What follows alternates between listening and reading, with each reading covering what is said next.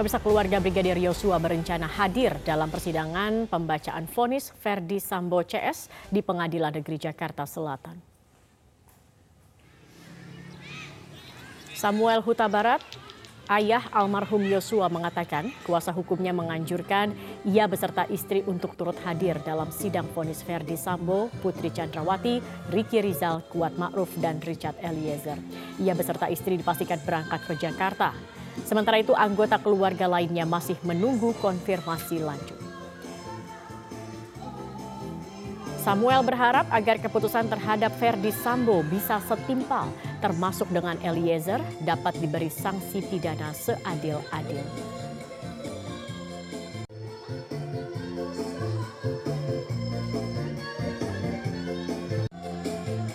Ya, di minggu yang lalu memang penasihat hukum kita uh, di Jakarta sudah menelepon kita bahwa uh, sidang untuk ponis para terdakwa mulai tanggal 13, 14, dan 15. Jadi penasihat hukum kita menganjurkan kita untuk ikut serta di dalam persidangan untuk menyaksikan bagaimana nanti keputusan-keputusan majelis hakim.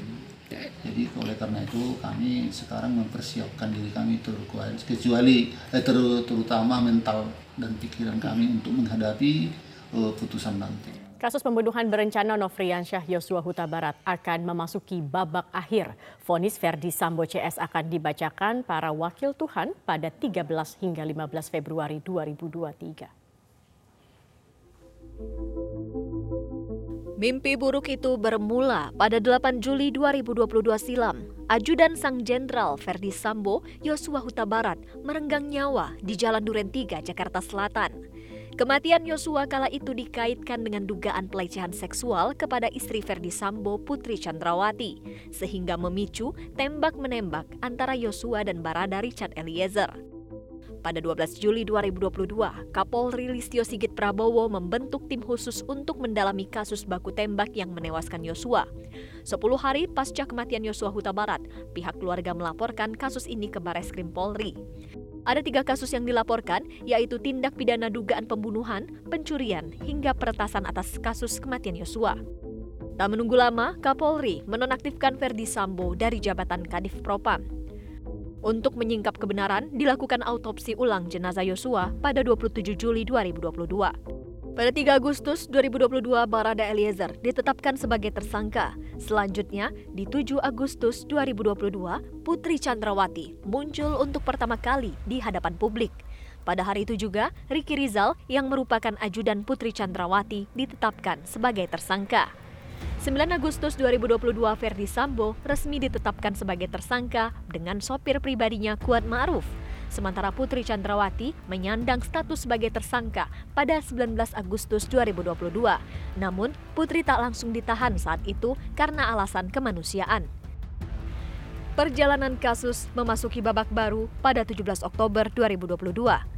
Saat itu Ferdi Sambo, Putri Chandrawati, Riki Rizal, dan Kuat Ma'ruf menjalani sidang perdana kasus pembunuhan Yosua, sementara Eliezer menjalani persidangan di tanggal 18 Oktober 2022. Rangkaian persidangan pun berlanjut mulai dari pemeriksaan saksi-saksi, ahli, dan alat bukti hingga pembacaan tuntutan kepada lima terdakwa. Verdi Sambo dituntut hukuman penjara seumur hidup, Richard Eliezer dituntut 12 tahun penjara, sementara Putri Chandrawati, Riki Rizal, dan Kuat Ma'ruf dituntut 8 tahun penjara.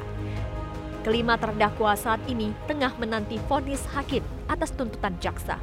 Vonis itu akan mulai dibacakan majelis hakim pada 13 hingga 15 Februari 2023. Tim Liputan Media Group Network.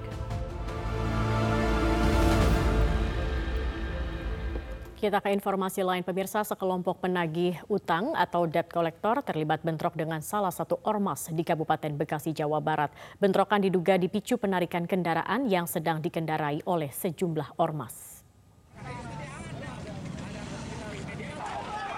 Bentrokan antara kelompok debt collector dan salah satu ormas ini terjadi di Jalan Sultan Hasanuddin, Tambun Selatan, Kabupaten Bekasi, Jawa Barat pada Jumat siang. Bentrokan terjadi akibat kendaraan yang sedang dikendarai sekelompok ormas akan ditarik paksa. Bentrok akhirnya dapat dibubarkan setelah pihak kepolisian datang ke lokasi dan sempat meletuskan tembakan peringatan.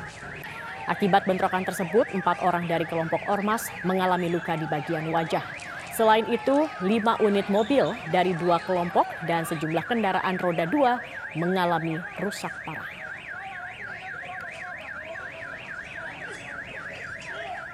Ketua Umum Partai Golkar Erlangga Hartarto dan Ketua Umum PKB Muhaimin Iskandar atau yang akrab disapa Caimin bertemu di Istora Senayan Jakarta pagi tadi. Dalam pertemuan mereka saling membuka kemungkinan koalisi yang telah mereka bentuk dilebur menjadi satu. Pertemuan dilakukan dengan jalan santai dan sarapan pagi bersama. Usai sarapan Erlangga menyatakan jika Golkar dan PKB saling mengajak koalisinya masing-masing untuk menjajaki kerjasama. Namun ia menyebut masih terbuka jika koalisi Indonesia Bersatu dan koalisi Kebangkitan Indonesia Raya untuk melebur diri.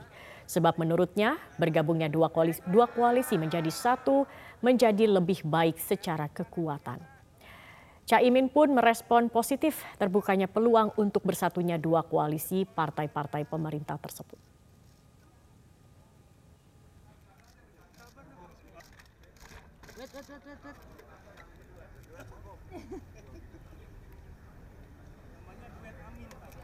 Dua-dua bergabung lebih kuat, lebih baik. Dalam politik tidak ada yang tidak bisa dibicarakan ditindaklanjuti. Jadi akan ada pertemuan nanti uh, di kedua partai saling berkunjung. Koalisinya dua bergabung.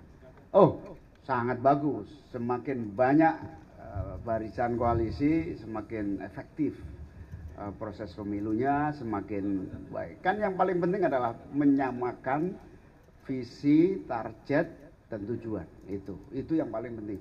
Jadi kita berharap partai-partai mari kita samakan visi, tujuan dan target.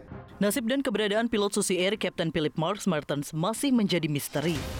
Tim gabungan TNI dan Polri masih mengusut keberadaan pilot asal Selandia Baru itu usai pesawat nomor registrasi PKBVY dibakar KKB Papua. Panglima TNI Laksamana Yudo Margono menegaskan pilot belum bisa dipastikan di Sandra KKB Papua atau tidak. Ketidakpastian ini tak lepas karena tak ada sanksi yang mengetahui keberadaan sang pilot dan dipastikan aparat saat ini masih mengobservasi keberadaan sang pilot. Sementara Yudo memastikan 15 pekerja yang tengah membangun gedung puskesmas Paron Duga telah dievakuasi. Sampai saat ini masih kita laksanakan observasi ya tempatnya di mana dan sebagainya. Makanya untuk menentukan itu yang pilot kan yang ditanyakan dibawa apa KKB atau enggak ini masih belum belum bisa dipastikan. Karena dari awal kan kita nggak ada saksinya di situ. Saat dibakar kemudian eh, apa namanya dia larinya ke mana, lari sendiri atau dibawa ini sampai sekarang belum belum ada info. Makanya saya juga bisa belum bisa menentukan itu ditahan atau tidak oleh KKP. Yang jelas 15 orang pekerja yang kemarin menjadi ancaman sudah berhasil kita evakuasi bersama dengan eh, apa masyarakat Para pekerja bangunan puskesmas dan perumahan medis distrik Paro, Kabupaten Duga yang dievakuasi ke Kabupaten Mimika telah dipulangkan ke rumah masing-masing usai menjalani pemeriksaan dan dimintai keterangan di Mapolres Mimika. Salah satu pekerja Zakarias Behuku menceritakan dirinya dan rekan-rekannya bisa bertahan hingga selamat dari ancaman KKB pimpinan Egyanus Kogoya. Ia mengaku sempat melihat pesawat Susi Air melintas. Kita dijaga, kita dilindungi oleh masyarakat berarti yang sampaikan KKB ini juga masyarakat. Disuruh pulang ini ke masyarakat juga yang suruh pulang. Masyarakat juga keluar dari kampung semua. Dan sekarang berarti kakak ya. selain kakak dorong para pekerja masih ya kita sudah sampai di atas gunung Wea, Wea kita mau naik chopper baru masyarakat ibu-ibu tete-tete nenek ini semua naik, naik ikut naik gunung untuk jalan ke Kenyam lagi berapa lihat om jumlahnya? Banyak masyarakat di sana. Masyarakat banyak. Ada yang sama kita jalan ada yang ikut bawah juga. Dia pisah-pisah yang darat mereka.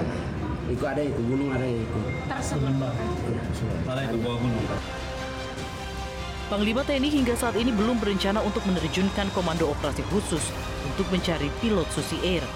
Yudo menegaskan kekuatan personel di wilayah tersebut cukup untuk mengatasi persoalan keamanan di wilayah Papua, termasuk dalam pencarian pilot Susi Air.